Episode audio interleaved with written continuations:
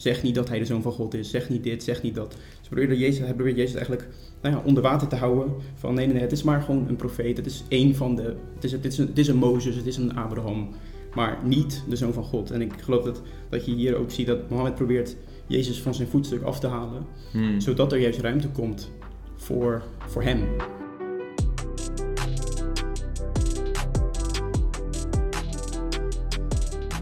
God zegen allemaal. Eh, deze week proberen we weer eens een tafelgesprek op te nemen. En eh, dit keer is mijn gast eh, Rick. Rick is iemand die ik al van jongs af aan wel ken, hè Rick? Amen. We zijn opgegroeid in dezelfde Nederlandse kerk. En jij bent ehm, nou, de laatste maanden veel bezig geweest met de islam. Ik al twee jaar nu. Twee jaar Ja. ongeveer, ja. Je bent je daarin gaan verdiepen. Je bent zelf christen, hè? Ja. Ehm, overtuigd christen. Ehm, en tegelijkertijd ja, heb je het op je hart gekregen om je meer en meer te verdiepen in de islam. Eh, om ook gewoon, denk ik, apologetisch wat beter antwoord te kunnen geven op bezwaren die moslims hebben tegen het christelijk geloof. En ik denk ook andersom. Ja, bezwaren die wij als christenen hebben tegen eh, de openbaring eh, ja, die in de islam eigenlijk wordt doorgegeven van God, vermeende openbaring van God. Dus welkom in elk geval. Ik weet niet, Dankjewel. Eh, wil jij er nog iets aan toevoegen? Want Ja. hebt een YouTube-kanaal ook, geloof ik. Ja, hè? klopt. Ik heb een eh, YouTube-kanaal nu twee jaar. Het heet eh, Gedachtegoed. En eigenlijk wat mijn doel is, is om moslims te bereiken. Door eigenlijk de islamitische bronnen te openen. Gewoon de Koran erbij, de hadith, dat zijn de overleveringen, of de tafsirs, dat zijn de uitleggingen van Koranversen. En om simpelweg er doorheen te, te lezen en ja, vragen te stellen. Die prikkelende vragen die dan nou, de moslims aan het denken zou moeten zetten. Dat enerzijds. Anderzijds probeer ik ook gewoon christenen uit te rusten met nou ja, kennis over de islam. Om ook hen nou ja, prikkende vragen te laten kunnen stellen. Zodat zij ook christenen of moslims ehm, nou ja, deze vragen kunnen stellen. En dan als het ware de dialoog daarmee aan te kunnen laten gaan. Ja, nou, bedankt dat je elk geval bereid bent om hier te zijn nu en om samen een gesprek op te nemen.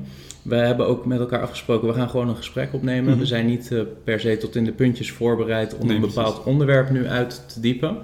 Ehm, maar ik denk dat dit ook gewoon vaak de praktijksituatie is. Hè? Dat christenen met elkaar praten of dat christenen op straat in gesprek zijn met moslims. Ehm, en ja, dat, dat er een dialoog ontstaat. Ja. En dat het goed is om toegerust te zijn om die dialoog eh, aan te gaan. Ik denk eh, gemiddeld genomen dat veel moslims niet voldoende begrijpen van het christelijk geloof. Hè? De bezwaren die je vaak hoort tegen het christelijk Ja. geloof, in mijn beleving zijn vrij oppervlakkig. eh, en eh, getuigen vaak van misrepresentatie of misverstanden rondom wat christelijke theologie onderwijst. Hè? Eh, dat is één aspect.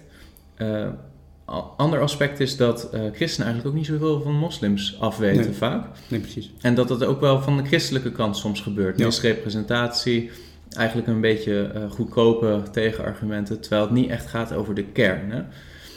Ehm, ik wil dit gesprek eigenlijk even beginnen met het volgende. Ik heb de ervaring dat vaak als je met een moslim in gesprek eh, raakt en je wil als christen iets delen van het evangelie van Jezus Christus, dat de eerste reactie vaak is van, ja, jullie geloven in Jezus, Mhm. wij geloven ook in Jezus, hè? Ja. Eh, wat fijn allemaal, Ja. zeg maar. Hè? Dat, en dat moslims eigenlijk proberen de tegenstelling te downplayen. Eh, zeker als je gewoon op straat met een gemiddelde moslim spreekt, dan is het meer van, ja, wij geloven ook in Jezus. Hè? Ja. En de christen die er niet al te veel van af weet, die kan dan al snel denken van, nou, dan zijn we echt een paar stappen verder nu in het gesprek Ja. al. Ja, ze die, die common ground proberen ze te vinden en, en vanuit daar verder te gaan met bepaalde argumenten die zij dan hebben. Ja, ja. en dan, dan, dan zegt de moslim vaak, wij geloven ook in Jezus. Ja, En ik denk dat de grote vraag waar wij het ook een beetje over gaan hebben vandaag, wat een kernthema is van deze eh, tafel, dit, dit tafelgesprek, deze opname, is ja, welke Jezus dan? Mhm. Ja. Is de Jezus waar zij in geloven dezelfde Jezus als de Jezus waarvan wij geloven dat de Bijbel die ons voorhoudt? Ja. Zeg maar. Wat wat is jouw eerste reactie op zo'n vraag? Nou ja, kijk, ik denk ook mooi dat we natuurlijk ook een beetje als soort van eh, voorbereidende materie hebben we natuurlijk het boek van James White. Mhm. En ik denk dat hij ook heel mooi begint met zo van ehm, de titel van dit hoofdstuk zou moeten zijn Aissa ibn Maryam en niet ehm, Jezus, eh, de zoon van God. Mhm. Maar hij, hij zegt ook zo van ja, dus hij probeert toch gelijk een soort van onderscheid te maken van er zit er een verschil in. Het is niet dezelfde persoon. En hij wil dan later in, zijn, in dat hoofdstuk ook aanhalen van waar zitten dan die verschillen. Dus voor mij is het ook zo dat eh, ik geloof niet dat de, de, de Jezus of de Aïssa in de Koran dezelfde persoon is als de- degene die wij in de Bijbel eh, terugvinden. Ja. En eh, ik, ja, ik denk ook dat het heel belangrijk is om dan juist die grote verschillen ook eh, aan te kaarten. En daarin nou ja, te, laten, te laten zien van ja, ehm, waarom is dat dan zo? En ja, als je die verschillen ook goed benadrukt, zie je ook dat het een heel ander persoon is met heel andere ja, intenties en heel andere handelingen dan dat Ja. wij hem zouden kennen. Ja. Ja, een van de dingen die James White ook zegt, hè, voor de mensen die James White niet kennen, ik denk de meeste mensen die, eh, die mij wat langer beluisteren weten dat James White een van mijn inspiratiebronnen wel is. Ehm, maar James White heeft een boek geschreven, hè, dit boek, What Every Christian Needs to Know About the Koran. Ja. Of Koran, ik weet niet hoe ze het precies uitspreken, volgens mij Koran. Ja. Ehm, ja, dat is een boek wat denk ik ehm, heel nuttig is voor elke christen om te lezen, zoals ja. de titel ook zegt. Maar James White benadrukt ook wel van eigenlijk heeft de moslim niet echt een, een goed beeld van wie Jezus is. En dat, dat heeft er ook mee te maken dat de Koran wel dingen eh, zegt over Jezus, Mhm. maar nergens echt een duidelijk beeld geeft van dit is Jezus of zo. Er is Ja. niet een narratief over Nee. Jezus. Nee, je ziet vooral dat het gefocust is op zijn geboorte. In de, in de Koran zie je heel veel van eh, ja, de aankondiging van eh, de engel bij Maria, dan zijn geboorte. En dan heb je een heel stuk eigenlijk helemaal niks van zijn leven. En dan komt hij pas weer terug eigenlijk met de situatie rondom zijn dood en de zogenaamde kruisiging. En eh, ja, dat, dat hele tussenstuk, de, de narratief die je benoemt, eh, die is inderdaad ontbrekend in de, in de Koran. Ja, dus er zit niet een evangelie Nee, van Jezus absoluut, in de Koran. Hè? Nee. Voor, voor mensen die de Koran nooit hebben gelezen. Uh, je moet het doen met nou, een stuk of 25 verschillende soera's. Hè? Dat zijn dus de, uh, hoe zeg ik dat goed? Ayat? Ayat, ja, Ayat. verse. Versen. Ja. In verschillende soera's, hè, verspreid door de, door de Koran heen. Waar hier en daar een soort opmerking wordt gemaakt over misverstanden rondom Jezus. Hè? Ja. En dat zijn vaak heel reactieve dingen Ja, die daar beschreven absoluut. staan. Ja. Het is, het is nooit van, um, uh, nou hier zijn uh, 30 versen die vertellen wie Jezus dan wel is. Nee. Het is eigenlijk, de, de moslim heeft eigenlijk geen compleet beeld van Jezus als hij niet eerst de Bijbel leest. Absoluut. En vervolgens de Koran opent en die zeg maar stuk of 25 versen erbij Mhm, pakt. En dan ja. denkt van, oh hier zitten de misverstanden. En als ik dat dan bij elkaar voeg, dan krijg ik een soort beeld van, van Jezus. Maar eigenlijk is dus de moslim heel sterk afhankelijk van de Bijbel en van de christen om hem een beginsel van een beeld te geven van wie Jezus is. En vervolgens is het, dit zijn de misverstanden. Ja. ja, een voorbeeld daarin is ook dat je bijvoorbeeld bepaalde termen ziet van Jezus is de Messias of Jezus is het woord van God. En dat, dat zijn gewoon termen die eigenlijk los er, erin worden geworpen, waar de moslim zelf eigenlijk geen, ja, geen uitleg bij heeft, omdat de Koran daarover zwijgt. Dus wat is dan de Ja. Messias? Wat is dan het woord van God? Wat houdt dat in? Ja. Dingen die wij natuurlijk begrijpen vanuit de Bijbel en vanuit het Oude en het Nieuw Testament, hebben wij daar een heel, heel compleet beeld bij van wat dat inhoudt. Ja. Maar de moslims worden daar dus niet mee eh, bekendgemaakt. Ja, en ik denk dat daar zit misschien al gelijk het grootste knelpunt voor de moslim. En ook het grootste bezwaar van de christen richting de moslim. Mhm. Is, ja, de, Mohammed komt dan als profeet, nou ja, een half millennium Ja, na, 600, ja. hè, Ja. 600 jaar Ja. na, nadat eigenlijk Christus op aarde is geweest, Jezus eh, eh, gepredikt heeft, de apostolische generatie, de fundamenten worden gelegd van de christelijke gemeente, hè, christelijke theologie, die vervolgens al 500, 600 jaar eigenlijk Verspreid is over... eh, verspreid is, de kanon die al lang en breed bekend is, hè, eigenlijk. ja. Nou ja, die is, als, je, als je in de meest exclusieve definitie van de kanon, hè, van het moment dat alle 66 boeken van de Bijbel gewoon in heel de christelijke gemeente eh, voor een belangrijk deel eh, eh, geconsolideerd zijn, nou dan hebben we het over wat? Einde van de vierde eeuw. Ja. Hè, dan, dan met die feestbrief van Athanasius of zo. En daarvoor kan je nog wel argumenteren van ja, is een soort ontwikkeling gaande in wat is gezaghebbende schrift en wat Ja. niet. Hè? Dan zijn er nog. Nou, eigenlijk in de tweede eeuw is dat voor een belangrijk deel is dat al duidelijk. Hè? Van eh, zeker 22 boeken van het Nieuwe Testament waarvan iedereen het erover eens is, dat is gezaghebbend. En dan zijn er een aantal boeken zoals de Hebreeënbrief of het boek Openbaring, waar de kerk wat meer tijd voor nodig Ja. heeft gehad. Eh, maar zeker de evangeliën, hè, zeker de brieven van Paulus. Ja, dat is al vanaf de, de eerste eeuw is dat heel duidelijk. Dat is gezaghebbend in de christelijke gemeente. Ja, dat is apostolisch. Ja. En dan komt er 500 jaar later een profeet op het toneel die zegt... Nou, wacht eens eventjes, maar zo zit het niet in elkaar. Hè? Ja. En die beweert van ehm, allerlei misverstanden zitten daar, daarin. Nou, wat zijn dan precies de dingen die, die anders zijn?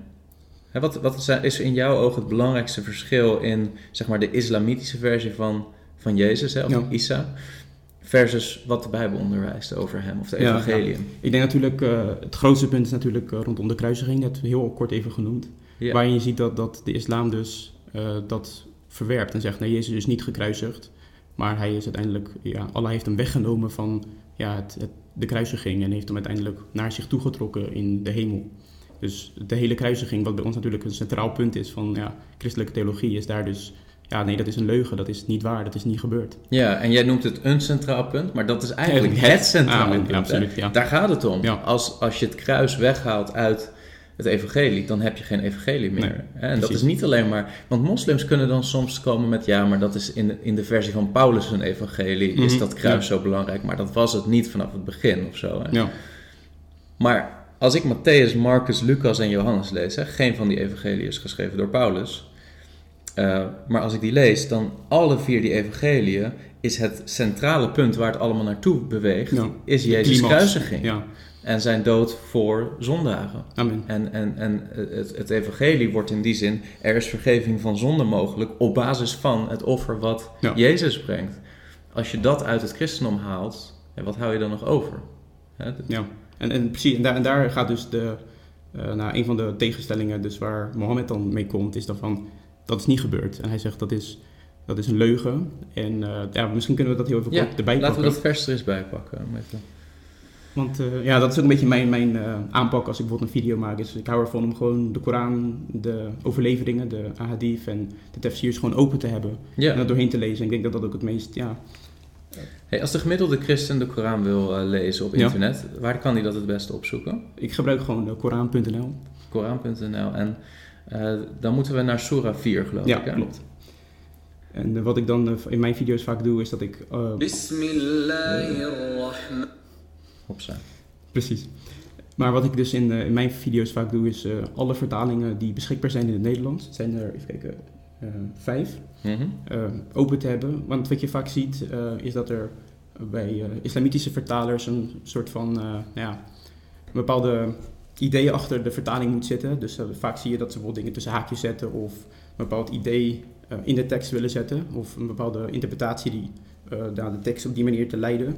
En je hebt ook wat eh, nou, Nederlandse of niet-islamitische vertalingen. Dus ik probeer eigenlijk een beetje een open beeld eh, te schetsen van alle vertalingen die erbij zijn. Ja, want in de kern geloven ze natuurlijk dat geen enkele vertaling echt het woord van God is. Ja, hè? Ze zijn daarin best wel eh, heel erg gebonden aan het Arabisch. Ja, hè? Dat ja. Het idee is gewoon, ja, in het Arabisch is de Koran geopenbaard aan Mohammed. Ja. En ja, ze reciteren het in het Arabisch omdat Mhm. het gewoon letterlijk in hun beleving Gods woord is, zeg maar.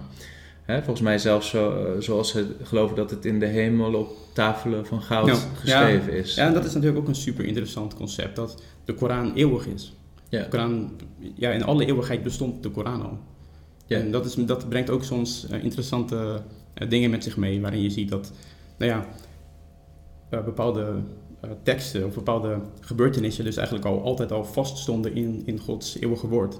En Ja. dat, dat is theologisch soms ja, best problematisch. Ja, zeker met dat concept van afschaffing bijvoorbeeld. Ja, ja, absoluut, ja. Hè, wat je in een video recent... Want jouw YouTube-kanaal is Gedachtegoed. Gedachtegoed, ja. Ja. Dus dat is wel goed voor mensen die deze eh video straks eh, beluisteren. Eh, als ze meer willen weten over nou, allerlei zaken. Je hebt best wel wat video's gemaakt inmiddels daarover, hè? Ja, bijna 40 of zo. 40. Ja, ja, dus eh, nou, abonneer je allemaal sowieso op dat kanaal. Eh, want je kan er echt wel veel van leren. Hè, ik heb er ook best wel wat van beluisterd. En nou, ik- voor mij zitten er heel veel eye-openers en eh, eh, inzichten in. Dus eh, doe dat allen. Ehm, goed, we zijn, in, eh, we zijn in Surah 4. Ja, en dan eh, het, het vers waar de, dus de kruisiging wordt eh, verworpen is in eh Aya 157, dus eh, vers 157. Misschien kan jij dat vers voorlezen. Ehm, ik zal dan de vertaling van eh, de heer Abdessalam pakken. Dat is ja, de meest gebruikte ehm, islamitische vertaling van, eh, ja, van, in het Nederlands. Mhm. En daar staat, eh, en wegens hun uitspraak, hun gaat dan op de Joden, als je een paar versen terugleest, is, is dat de, de groep die hier wordt aangesproken. En zij spraken dus uit, wij hebben de Messias, Isa, zoon van Miriam, gedood. Maar zij hebben hem niet gedood, noch hem gekruisigd. Maar de gelijkenis van Isa werd op een andere man gelegd. En degene die daarin van mening verschillen, zitten vol twijfel. Dus dat, is, dat zijn wij dan, de christenen. En zij hebben daar geen kennis over. Zij volgen niets anders dan gissingen en zij doden hem niet. Mm.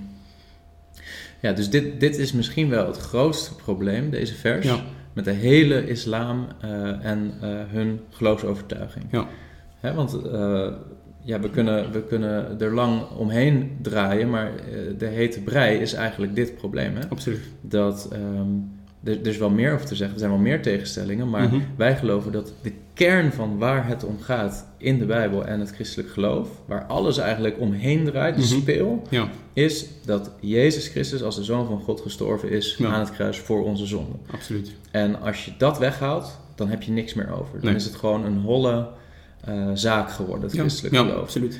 Eh, en dit vers is Ja. eigenlijk de enige basis, Ja. volgens mij, op grond waarvan moslims ontkennen dat de kruisiging van Jezus heeft plaatsgevonden. hè? Want Ja. het is ook niet alsof er nog meer versen zijn waarin hetzelfde wordt beweerd, Nee, precies. Nee, en je ziet dat wij eigenlijk als christenen en moslims lijnrecht tegenover elkaar staan. Want zij zeggen het is niet gebeurd, wij zeggen het is absoluut wel gebeurd. Ja, daar zit ook niks tussenin. Nee, het is nee. gebeurd of het is Ja, niet precies. gebeurd. Het, is niet- ja. het kan niet een beetje Nee, gebeurd nee, zijn. absoluut. absoluut. Ehm, en ja, ik bedoel, en het is sowieso op zich al een hele bijzondere uitspraak. Eh, wat ik bijvoorbeeld al gelijk op, eh, wat mij gelijk opvalt als ik dit eh, vers lees, is de doelgroep, zoals ik net beschreef. Als je een paar versen terug scrolt, Mhm. Ehm, dan, dan zie je ook dat dit gaat over, over de Joden. Ehm, ze worden eigenlijk als het ware. nou, God die. die die zegt van ja, jullie hebben een aantal vreselijke dingen gedaan. zeg maar. hij, hij zegt van ja, dit is er gebeurd, dit is er gebeurd. Eh, er wordt ook gesproken over de Sabbat, dus dan zie je ook dat het best wel een Joodse context heeft. Ja, En, en dan, wat ik heel bijzonder vind, en dat is wat we ook net aanhaalden over die Messias, is dat zeggen ze, en wegens hun uitspraak. Wiens uitspraak? De uitspraak van de Joden. ja. En dan staat er: Wij hebben de Messias, Esa, zoon van Miriam, gedood. ja. En dat vind ik zelf heel erg interessant en heel erg opmerkelijk, want volgens mij is er geen Jood op de wereld, nu niet en toen niet, die zou zeggen dat Jezus Christus de Messias is. Nee, Dat, precies. dat geloven wij als, als christenen. Nou ja, überhaupt eh, Jezus Christus. Hè? Christus is de Griekse versie van Messias. Ja. Hè, de gezalfde. ja, Maar het, het hele idee is juist dat ze hem hebben gekruisigd... omdat ze niet geloofden dat hij de Messias Amen. was. Hè? Niet Nee. de gezalfde is. Dus ja, hoe ze dan zouden kunnen zeggen... we hebben de Messias, Isa, de zoon van Mariam, gedood... ja. eh, Ja. dat is mij een raadsel. Ja, dan, zeg ja, maar. voor mij ook, absoluut. En zo, zo zie je dat we hier al een, een vers hebben wat ja, in beginsel al best wel een, een, een soort van ehm involledig, onvolledige begrip heeft van wat überhaupt, wie, wie dat is. De Messias, Ja. Christus, weet je, de, de, de, de gezalfde van God. En dat, dat dat eigenlijk al de basis is waarmee ze dit vers op tafel leggen. En voor mij is dat dan van ja, dat is al in, in, die, in dat vers, wat, waar wij eigenlijk lijnrecht tegenover elkaar staan als christenen en moslims, begint het al met een aanname waarvan ik zeg, ja, daar, daar zit dus... Daar zit dat? Ja, hoe zit dat? Wie vertegenwoordig je nu eigenlijk met deze uitspraken? Absoluut, ja. Zijn het nou christenen die zeggen, wij hebben de, of Joodse christenen, wij hebben de Messias, Isa, de zoon van Mariam, gedood? ja. Eh, ja, dat zou misschien nog kunnen dan. Maar goed, als het in de context vooral gaat over de Joden, Ja. dan is het eigenlijk intern eh, een contradictie. Ja, precies. Wat natuurlijk al heel problematisch zou zijn als dit een openbaring van God zou zijn, als Ja. er innerlijke contradictie is. Ehm, want dat, dat is wel goed om even te belichten. Hè? Moslims geloven dat Jezus de Messias was. Ja, Daarin wijken ze eigenlijk af van Joden. absoluut.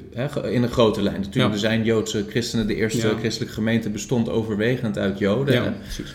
Maar eh, in, de, in, de gro- in het grote plaatje der dingen hebben de Joden Jezus als Messias verworpen. En dan komt Mohammed en die zegt eigenlijk, nee, hij was wel de Messias. Mhm. Ja. En dat is een, een, een soort van concept wat ik vaker zie terugkomen. Wat ik geloof is dat Mohammed ehm, ehm, ja, heel veel mensen eigenlijk wilden eh, overtuigen dat hij een profeet was. En, wilde hem, en eigenlijk wilde hij zoveel mogelijk volgelingen verzamelen. Mhm. En zo zie je dat er in de Koran heel veel eh, concepten liggen van eh, andere geloven, andere religies. Waarin hij zegt, ja, ja klopt, dat, dat geloof ik ook. Of ja, ja, daar sta ik ook voor. Zodat hij probeert die groep mensen te overtuigen om een volgeling van hem te worden. Mhm. En zo zie je dat, ehm, bijvoorbeeld helemaal aan het begin, zie je dat de moslims ehm, eh, worden opgedragen om richting Jeruzalem te bidden. Ze, vandaag de dag bidden ze richting de, de Kaaba, dus de, ja, de, de moskee in eh, Mekka. Mhm. En in het midden van die moskee is dus de, de Kaaba, het huis van God, de, meest heilige plek op aarde.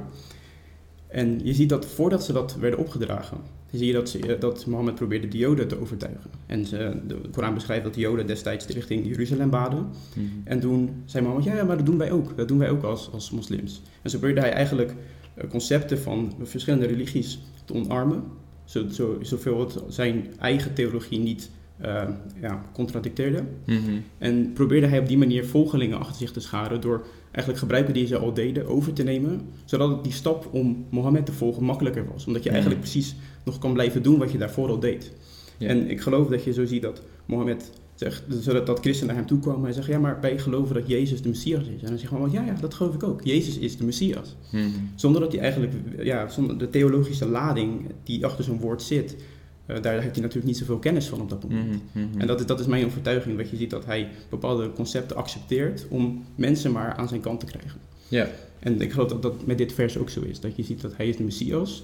Daar kan hij nog mee eh, instemmen van ja, ja dat, dat geloof ik ook. Maar dat, dat als er dan bepaalde concepten tegenstrijdig zijn, dat hij probeert na, maar nee, hij kan niet gedood zijn, et cetera, et cetera. Ja, ja.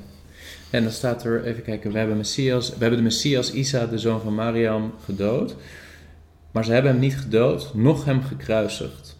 Maar de gelijkenis van Isa werd op een andere man gelegd. Ja, absoluut. Dus Wat bedoelen ze daarmee? eh, ja, er zijn een aantal eh, theorieën daarover. De moslims Ja. hebben niet één antwoord erop. Maar wat je vaak ziet, de meest gebruik, gangbare ehm, visie daarop is dat... dat Hypothese Ja, ja, hè? hypothese, precies. Ja. is, is dat, dat, dat noemen ze in het Engels de replacement theory.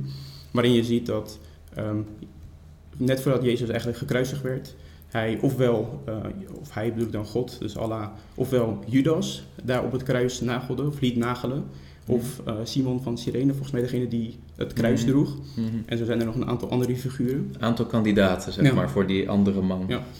Ja, dus er zijn een aantal kandidaten eigenlijk die, ehm, waarvan moslims geloven dat, dat hij of dat zij de, degene zijn die daadwerkelijk aan het kruis genageld zijn. Mhm. Want er, er is dus wel een kruisiging geweest, geloof, volgens deze theorie. Ja. Alleen dan niet met Jezus Christus.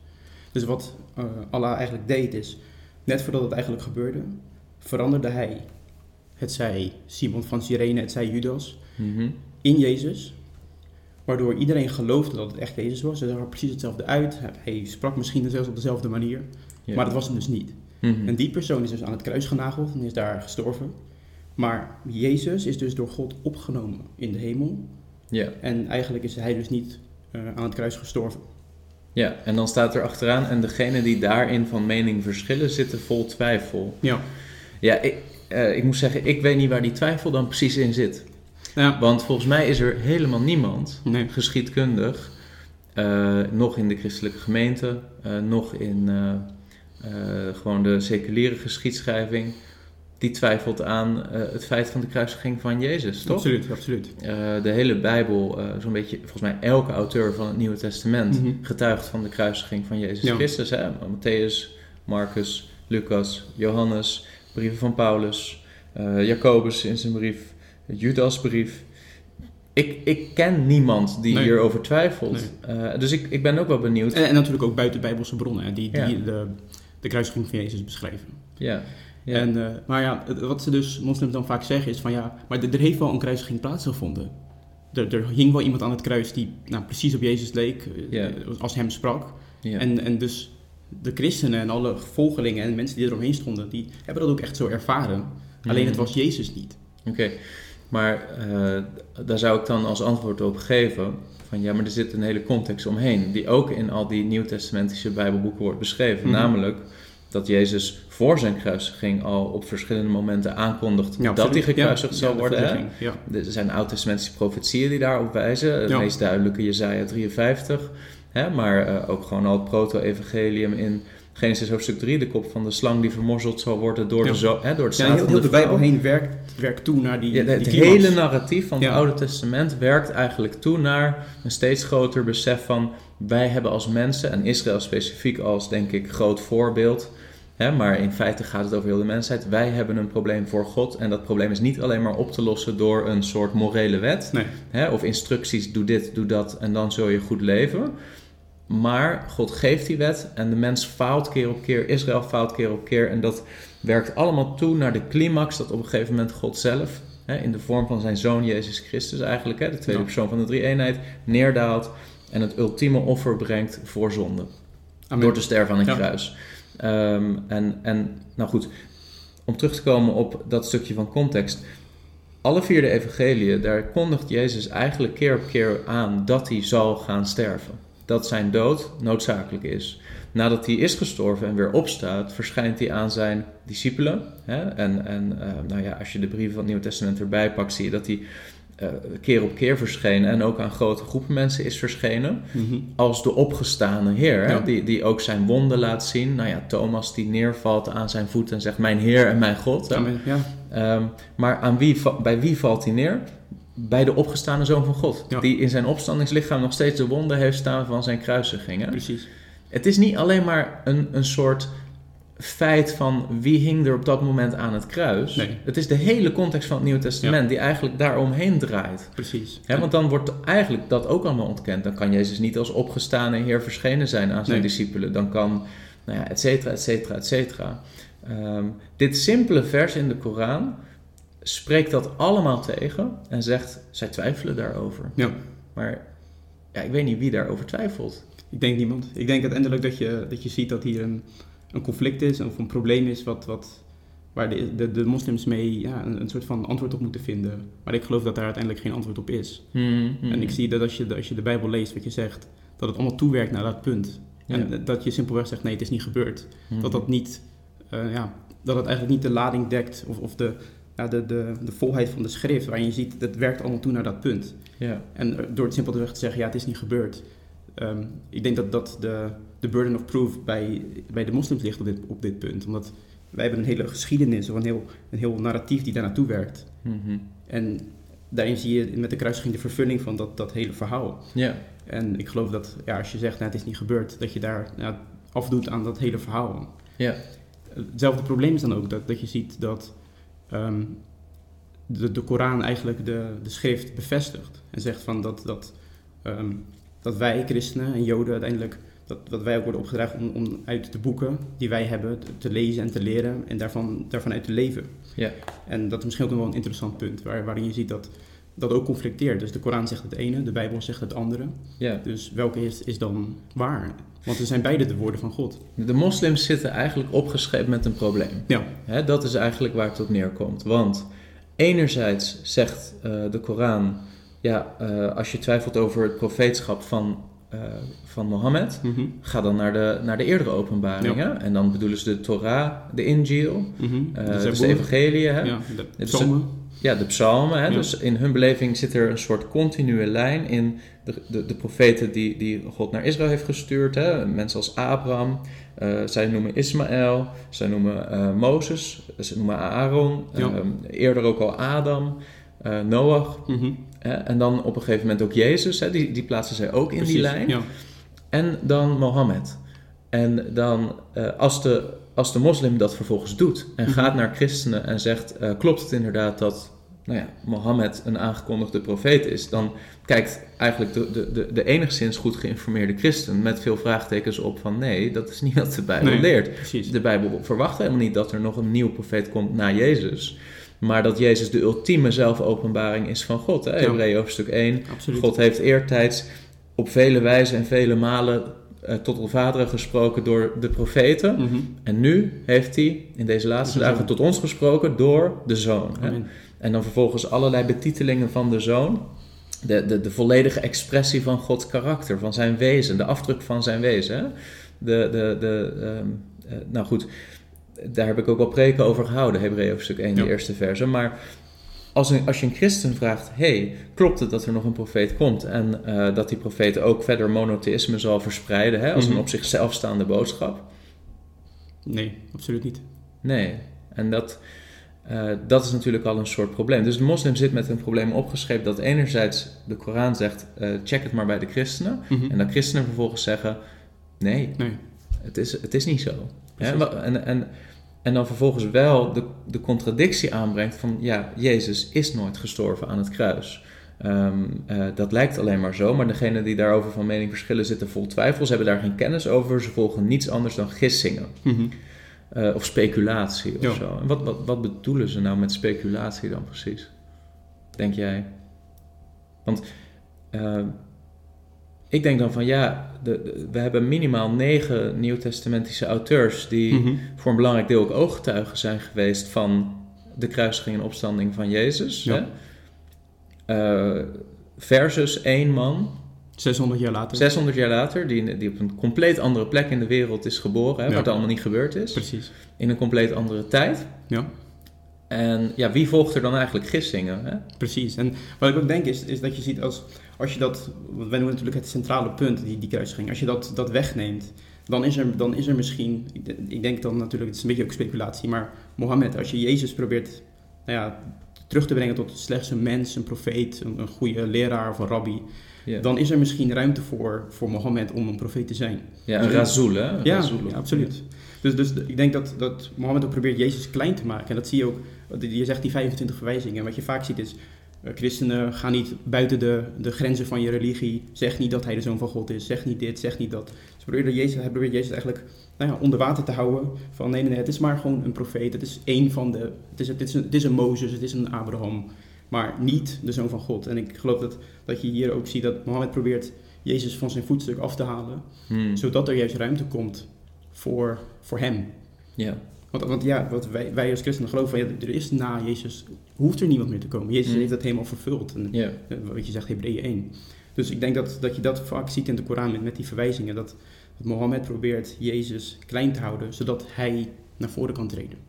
En wat dan ook super interessant is, is, is dat, wat je dan ziet is, hij moet dus een, een, ja, een alternatieve realiteit creëren, waarin je ziet dat Jezus dus wordt opgenomen in de hemel. Maar dat op zich is al, al heel ehm, opmerkelijk. Want, ehm, en niet, niet veel, ik denk niet dat veel mensen dit ook ehm, weten, maar wat je ziet in de Koran en in de islam is dat als je sterft, ga je niet gelijk naar de hemel, ga je niet gelijk naar Allah. De moslims geloven dat je in het graf blijft. Ah, ja. En dat je daar een, een actieve realiteit hebt. Dus dat je als het ware de voetstappen boven de grond hoort. En dat je daar blijft tot de dag des oordeels. En dat je dan, dat dan zeg maar uiteindelijk eh, de opstanding is. En dat je uiteindelijk ehm, naar Allah zou gaan. ja. Dus het, het, het, hele eh interessante is dat Mohammed moest een soort alternatieve realiteit creëren. En je ziet, ja, hij kan niet naar het graf gaan, want hij sterft niet. Hmm. Dus de enige oplossing is hem naar Allah nemen voor een bepaalde periode. ja. Maar dat, dat verhoogt Jezus al zoveel. Dat dat Mhm. ook eigenlijk tegenstrijdig is met wat de islam leert. Ja, Maar en sowieso zijn er feiten over Jezus die de Koran bevestigt. Hè? Niet alleen maar het feit dat Jezus de Messias is, Mhm.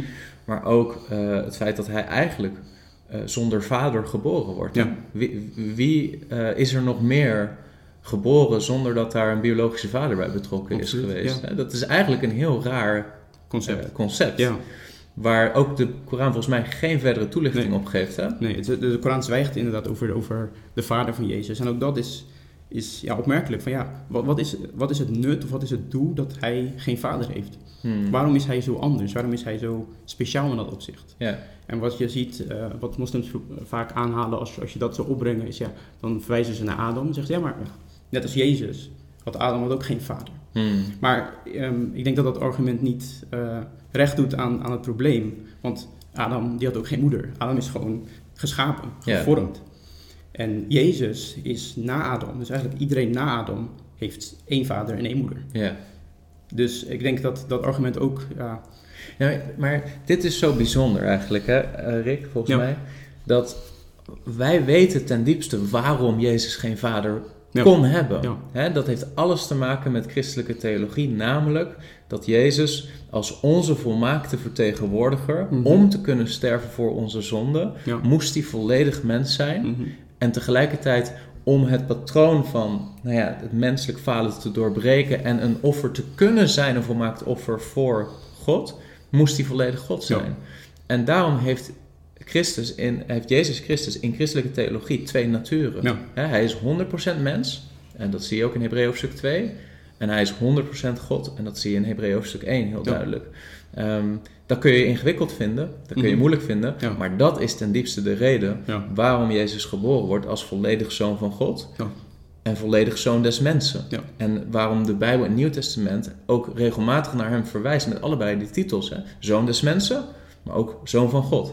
Ja. Ehm, daarom is Jozef niet zijn vader. Nee. Als Jozef zijn vader was geweest, dan was Jezus nog steeds onder het vertegenwoordigend hoofdschap van Adam gevallen. En dan zou die ook, wat dat betreft, eh, onder hetzelfde probleem van Adam vallen. Hè? Dan zou die niet een volmaakte vertegenwoordiger kunnen zijn, een nieuwe vertegenwoordiger voor de mensheid. Ja, absoluut. Hè, ik heb daar wel video's over gemaakt over het vertegenwoordigend hoofdschap van Jezus Christus. Maar juist omdat hij, omdat hij de zoon van God is en tegelijkertijd ook volledig mens, kan hij een nieuw vertegenwoordigend hoofd worden voor mensen die in hem geloven, voor de Vader. Daarom Ja. worden wij gedoopt in de naam van Jezus. Amen.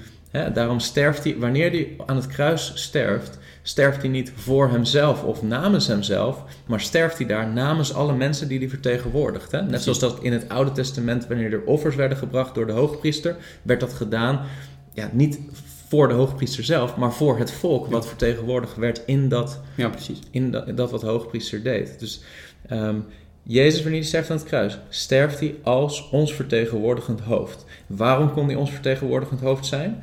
Omdat hij 100% mens is, maar ook 100% God is. Dus wij snappen de theologische Ja. context waarom Jezus geen vader, eh, geen biologische vader kon hebben Ja. en waarom God zijn vader was. Dan wordt dat feit vervolgens dus wel weer benadrukt en bevestigd Mhm. door Mohammed. Ja, ik denk... Maar de context die dat hele feit betekenis geeft, ontkent. Ja. Ja, en ik geloof dat het simpelweg is dat christenen dit natuurlijk gewoon vertelden en, en, en misschien evangeliseerden. Hmm. En dat ze bij Mohammed kwamen en dat hij zegt, ja, ja, dat geloof ik ook. Dat, dat, dat hij dat ook op die manier in zijn theologie opnam. Zonder inderdaad het hele verhaal en de hele, nou ja, het, het hele narratief eh, op te nemen. Omdat hij daar natuurlijk geen kennis van had. En zo zie je dat zulke dingen inderdaad in de Koran komen. Dus wij, zowel moslims als christenen, geloven dat hij geboren is uit een maagd, Mhm. uit Maria. Ja. Maar zij snappen niet, of tenminste, zij hebben daarin eh, geen besef van wat voor theologische implicatie dat heeft en wat het hele verhaal erachter is. Ja. En dat is eigenlijk met alle, alle begrippen en termen, met, met de Messias, met het woord van God, ehm, met de, nou, het geboren zijn uit de maagd. Al deze concepten worden niet uitgelegd in de Koran. Ja. En nou, de Koran zelf, wat we ook hebben besproken, is, is verwijst dan van ja, als je dus eh, geen kennis of, of sommige concepten niet worden uitgelegd, grijp dan terug naar de eerdere geschriften. En dat is ook wat ik zou zeggen van moslims, van ja, eh, doe dat dan. Ehm, gehoorzaam die, die, eh, dat gebod uit, uit, uit je heilige boek Ja. en zie wat er, wat erachter zit. En ik denk dat je op die manier ook een veel duidelijker beeld krijgt van eh, Ja. wie Jezus is. Maar uiteindelijk denk ik dat je dan wel moet onder, ook, ja, onderkennen of eh, bekennen van ja, dit, dat er veel meer achter zit. En ik denk als je het hele verhaal begrijpt vanuit, vanuit ja, de schrift, dus de, de Bijbel, dat je ook moet, moet dat je dan ook moet zeggen van ja, Jezus Christus is God, Hij is Heer. En Ja. ook, en ook jouw Heer. Ja, dus de fundamentele christelijke eh, positie is in regelrechte contradictie met de fundamentele islamitische eh, eh, bewering hè? Ja. Eh, van, van de Koran als onfeilbaar woord van God. Ja. Want ja, als, als Surah 4, Ayah 157 eh, correct is, en Mhm. dus hè, dat moet wel, want als, ja, als de Koran onfeilbaar is Ja. en in- op gouden tafelen in de hemel zo geschreven is en een eeuwige afdruk is van het woord van God, maar een contradictie bevat, hè, een lijnrechte contradictie met de kern van het christelijk geloof, dan kunnen we niet, en dan komen we weer terug bij het begin, hè, de Mhm. moslim die dan zegt van wij geloven ook in Jezus, Ja. Ehm, ja, dan moet je als christen wel echt heel naïef zijn Mhm. om te denken dat je iets van een stap gemaakt hebt in de goede richting. Ja. Maar ik denk dat, dat met alle ja, verschillende geloofsgroeperingen, eh, dat je dat hebt met alle geloofsgroeperingen. Het zij Jehovah's getuigen of mormonen of, of, of moslims. Ik denk dat inderdaad zo'n eerste vraag kan zijn van ja, welke Jezus? En ook echt waar we helemaal in het begin mee begonnen van wie is dan Jezus voor jou? En dat je, dat je, daarop, eh, daar, dat je daarmee dan een gesprek begint met een moslim, met een Jehovah's getuige van ja, we zeggen allebei, we geloven in Jezus. Maar wat bedoel je daarmee? Ja. Wie, wie is dan Jezus voor jou? En als je dan, dan, dan kom je denk ik op een paar aantal punten terecht waarin je kan eh, discussiëren of daar waarin je kan zeggen van oké, jij ziet dit in Surah 4, ayah 157, maar wie is dan de Messias? Wat betekent dat? Ja. En wat betekent dat dat Jezus zonder vader, eh, zonder vader geboren is? Hij heeft geen vader. Wat, wat, wat houdt dat in? Hmm. En dat je dan daarin heel veel leegte en onbegrip ziet vanuit eh, de islam. Ja. En dat je daarvoor dus wel moet terug gaan grijpen naar de Bijbel. Mhm. En dat je vanuit dat punt dan met hun eh, ja, ik bedoel, het evangelie kan brengen. Ja, en je ziet dan dat ze ook wel dat eh, Mohammed eh, bepaalde dingen noemt of associeert met Isa, hè, Mhm. met, met Jezus, Ja, die wij ook niet in de schrift terugvinden. Hè? Ja. Dat met name wat ze noemen de infancy gospels, hè? de bepaalde eh ja, tweede eeuwse evangelie kinderevangelieën. van Thomas. Evangelie van Thomas. Eigenlijk bronnen die in de christelijke eh, kerk verworpen zijn als Nou ja, verzinselen, vervalsingen, gnostische eh, ontwikkelingen. Hè, Ja, van, ja. ja, nou, het gnosticisme was eigenlijk gewoon een antichristelijke Mhm. geloofsovertuiging. Ja, Maar leende wel vanuit allerlei legendes en eh, ook uit christelijke geloofszaken eh, verhalen die ze vervolgens op zo'n manier verdraaien, zodat de gnostische overtuigingen daarin gelegd worden. Hè?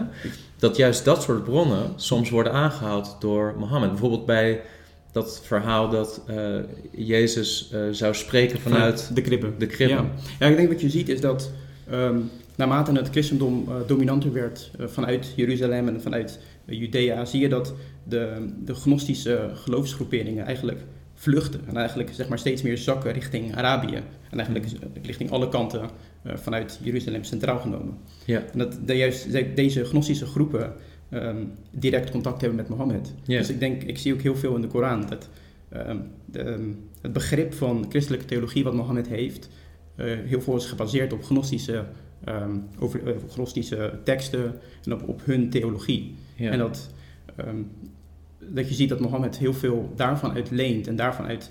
eh, dit is zijn aanname van dit is wat, wat christenen geloven. En dat, dat, dat, dat is een contradictie met wat de Bijbel gelooft. Maar het komt dus wel overeen met wat deze gnostische groepen geloofden. ja. Zo zie je inderdaad wat je zegt, dat Jezus spreekt vanuit de kribbe, dat Maria is bevallen onder een palmboom. Dit zijn allemaal dingen uit, ehm, uit, uit deze kinderevangelie van Thomas en inderdaad gnostische geschriften.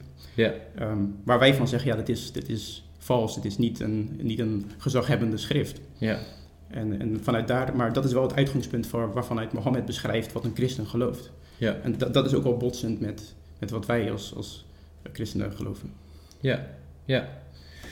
Ja, nee, ik denk dat, we, eh, dat er heel veel problemen zijn waar we het nu over zouden kunnen hebben. En tegelijkertijd is het misschien ook wel goed om eh, voor vandaag zeg maar eh, af te gaan ronden. En ik denk dat er best wel wat comments zullen zijn van mensen die zeggen... hey, doe nog eens een video over de islam Ja. in contrast met het christelijk geloof... maar benadruk is dit aspect of dat Mhm. aspect. Ja. Ik denk dat jij wel bereid bent om nog eens een keer langs te komen Absoluut, om, eh, absoluut. om dat nog een keer zo te doen. Maar om, om toch even met dit punt af te sluiten nog. Hè. Op het moment dat de moslim zegt, wij geloven ook in Jezus. Hè, en eh, een soort van grote glimlach op zijn Mhm, gezicht. ja. En, ja, ehm, met de beste bedoelingen, absoluut. met de beste Ja. bedoelingen. Hè, en en eh, ja, ook denk ik ook heel amicaal en vriendelijk. Mhm, Ja. Maar wat is het meest liefhebbende om te doen in die situatie, zeg maar? Wat, hoe zouden wij daar nou op moeten reageren? Jij zei van, ja, welke Jezus? Ja. Ehm, ik denk dat veel christenen eh, tegenwoordig in Nederland de houding hebben van... ehm, nou ja, laten we vooral relatie opbouwen, Mhm. laten we vriendelijk zijn, laten Ja. we ehm, inderdaad eh, wat we gemeenschappelijk hebben benadrukken en niet datgene wat ons van elkaar scheidt. Ja.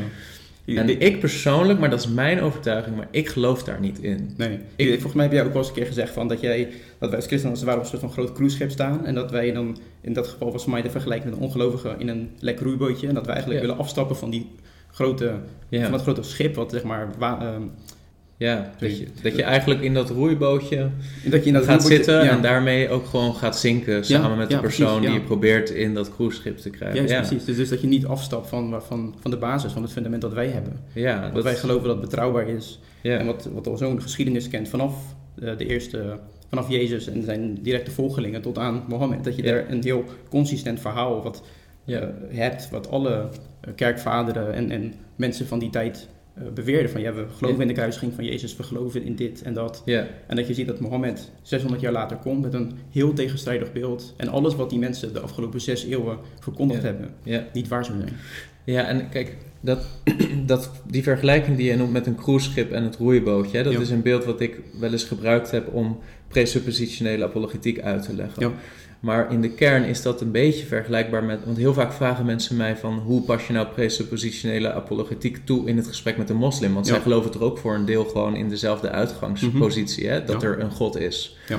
Ehm, maar hoe pas je dat toe? Je past het toe door ten alle tijden eh, Gods woord hè, in de Bijbel Ja, als jouw ultieme uitgangspunt te blijven behouden, ook in de manier waarop je de moslim benadert. Ja. En dat je laat zien van, hé, hey, de grond waarop jij staat, namelijk de Koran, eh, is intern tegenstrijdig, is tegenstrijdig met eerdere openbaring Mhm. eh, en is uiteindelijk niet in staat om jou ehm, staande te houden straks voor God. Ja. Hè, want da- daar gaat het om. De, de wijze man bouwt zijn huis op de rots, de dwaas bouwt zijn huis op zand. Ja. Ik geloof dat de Koran zand is. Ja. Eh, en dat Gods woord, zal, de schrift, de Bijbel, is de rots waarop wij moeten staan. De moslim die, ehm, die een christen op zijn pad krijgt en vervolgens wanneer de christen als zijn boodschap uit richting de moslim, ehm, ja, wij geloven inderdaad allebei in Jezus. Ik denk dat hij eh, ten diepste de moslim die hij voor zich heeft haat door dat te zeggen. Omdat hij niet de waarheid spreekt. Ja. De waarheid is dat de moslim die, eh, die volhoudt dat Jezus niet aan het kruis is gestorven, zal niet kunnen staan voor God. Omdat de enige manier waarop iemand straks in het oordeel voor God zou kunnen staan, is in Christus Jezus. En is op het moment dat hij vergeving en rechtvaardiging van zijn zonde heeft ontvangen op grond van zijn geloof in het offer wat gebracht is door Jezus Christus. En als, als je dat niet gelooft, dan heb je het leven niet. Dan heb je de Zoon van God niet. Dan heb je niet een basis om te staan in het oordeel. Amen. Je kunt niet vertrouwen op je eigen goede werken. Je kunt niet vertrouwen op een soort weegschaalconcept van als mijn goede werken, mijn Mhm. slechte werken uh, outweighing, hè, Ja. dus ze beter eh, zijn, dan zal God mij wel vergeven en Ja. rechtvaardigen. En zal ik... Nee, de Bijbel zegt heel duidelijk, niets van dat alles, de enige basis op grond waarvan een mens in het oordeel zal kunnen staan Ja. en niet veroordeeld zal worden tot een eeuwigheid in de hel, is door geloof in Jezus Christus en zijn offer en zijn opstanding. Uh, dus wanneer wij een moslim op ons pad hebben die zegt, ja, ik geloof ook in Jezus, dan zou ik inderdaad zeggen, oké, maar welke Jezus dan? En ik zou zelfs nog iets verder gaan, want we zijn heel conflictvermijdend, vind ik, Mhm. als christenen. Maar je kunt, je kunt meteen je vinger leggen op de hete brei en dat doen op een liefdevolle manier, volgens mij. En dat is zeggen, ehm, weet je, ehm, je kunt dat wel zeggen, wij geloven allebei in Jezus, maar ten diepste geloof je niet in Jezus. Want wat de Bijbel zegt is dat als je niet gelooft dat Jezus Christus voor jouw zonde aan het kruis is gestorven, dat je niet zult kunnen staan in het oordeel. Amen. En als jouw Jezus niet aan het kruis is gestorven, dan is het niet de Jezus van de Bijbel. Nee, hij is de weg, de waarheid en het leven. Ja, exclusief. Ja, Niemand komt tot de Vader dan door hem. En amen. die Jezus is de Jezus die gestorven is aan het kruis. En niet een Isa, de zoon van Mariam, Nee. eh, die ehm, nou ja, niet gedood is, nog gekruisigd is, eh, maar vermeend gekruisigd zou zijn. Als je in die Isa gelooft, dan is dat een Isa die niet kan redden. Ik denk dat dat de kern is. Ehm, ik denk dat wij een goed fundament hebben om die boodschap te prediken in de schrift. Eh, en ik denk dat wij niet degene zijn die eh, daar geen kennis over hebben en gissingen volgen. Ik vrees dat dat toch vooral de moslim is. Ja. Ja, misschien is dat wel de doelgroep die Mohammed hier aanhoudt. Ja. Ja, want dat is in principe ja, de conclusie dan van, eh, van, van vandaag. Ik denk dat, eh, dat je terug moet gaan naar de schrift en vanuit daar eh, kan redeneren met de moslim. Ik bedoel, je kan de, de Koran aanhalen en vervolgens de Bijbel. En laten zien van wie Jezus nou daadwerkelijk is en wat al deze termen inhouden. Hmm. Dat je daarmee een goed fundament legt en ik denk zeker wel de moslim aan het denken kan zetten. Ja. In alle liefde natuurlijk, want ik, doe, ik heb ook gewoon een hart voor moslims en Ja. dat is denk ik dat ook ja, het doel van, van ook het gesprek wat we vandaag hebben. Ja. Hey, als we in de toekomst nog een gesprek eh, gaan doen, wat zijn, wat zijn in jouw ogen interessante onderwerpen? Misschien een soort van, eh, vast een beetje een cliffhanger. Een, eh, oh ja, een, ja ehm, ik bedoel, ik heb natuurlijk ook vandaag wat, wat dingetjes opgeschreven. Ehm, zeker de, ehm, de vergelijking van, van ja, wie Jezus nou daadwerkelijk is. En er staat natuurlijk niet veel over hem opgeschreven in, in, van, van zijn- handel en wandel. Mhm. Je ziet eigenlijk alleen de geboorte en zijn, zijn, zijn dood. Of zijn dood. Maar je ziet eh, daarom dat Jezus heel veel, eh, ook nog wat, wat... Je ziet dat, dat er voor, over Jezus dingen worden beschreven, dingen die hij doet. eh, dingen dat hij mensen weer tot leven wekt. Men- dat hij ehm, ehm, kan scheppen. Dat hij bijvoorbeeld, ook uit het kinderevangelie van Thomas, dat hij een duif maakt en dat hij er Mhm. inblaast en dat die vogel dan vliegt. Maar er zijn dus heel veel dingen waarin je ziet, waar je, waarin je vraagtekens bij kon plaatsen. Mhm. Ik bedoel, wat je vaak ziet is dat Mohammed de zegel der profeten is, de laatste profeet. Ehm, je moet natuurlijk, als je moslim wil worden, ook de shahada op, op, eh, opzeggen. Mhm. Dat is eh, eigenlijk jouw eh, allegiance, jouw, jouw eh, je, De geloofsbelijdenis, De geloofsbelijdenis. in de meest basale vorm. ja, precies. En dat je dan zegt dat je gelooft in Allah als, als enige God en dat Mohammed zijn profeet is. Ja, En als je dat laatste stukje er niet bij zet, ben je geen moslim. ja, Je moet dus Mohammed ook beleiden als de, de, de Rasool. De, ja, ja. De- Ja, het is eh, La ilaha illallah Muhammadur Rasulallah, toch? Absoluut. Dat is Ja, de ja, shahada, ja. maar dat je dus ziet is van, van wat maakt Mohammed dan zo speciaal? Wat, wat, wat maakt hem dan dat hij op moet worden genomen in die, in die shahada? En niet bijvoorbeeld Jezus. Ja. Maar je ziet ook gewoon, ehm, er, zijn, er, zijn, ja, er zijn veel dingen. Wat ik bijvoorbeeld een hele interessante vind, is ehm, eh, alles rondom de schepping van Adam Ja. en ehm, de val van de Satan. Ja. Ik denk dat het een van de, eh, een van de video's is die ik het met, met- ja, met veel eh, interesse en veel voor mezelf ook eh, schokkende momenten heb gemaakt. Waar ik denk van wow, dit is echt heel krachtig. Oh ja. En als een soort van eh Misschien teaser. kan ik een link, ik zal een link onder de video, deze video zetten naar die video, zodat Ja. mensen die ook kunnen zien en beluisteren. Ja. En nogmaals, jouw YouTube kanaal. Mijn YouTube kanaal is Gedachtegoed. Ja. En eh, ja, ik zou je met harte daar willen ontvangen. Nou, abonneer je alle op, eh, op dat YouTube kanaal. Ik ken Rick als iemand die eh, nou, echt gedegen video's maakt, waar je veel van kan leren nogmaals. En nou, ik hoop dat jij nog een keer bereid bent om terug te komen. om nog eens hierover door te spreken. En we zullen in de comments ongetwijfeld nog allerlei reacties zien. Het lukt mij niet altijd om op alle comments te reageren.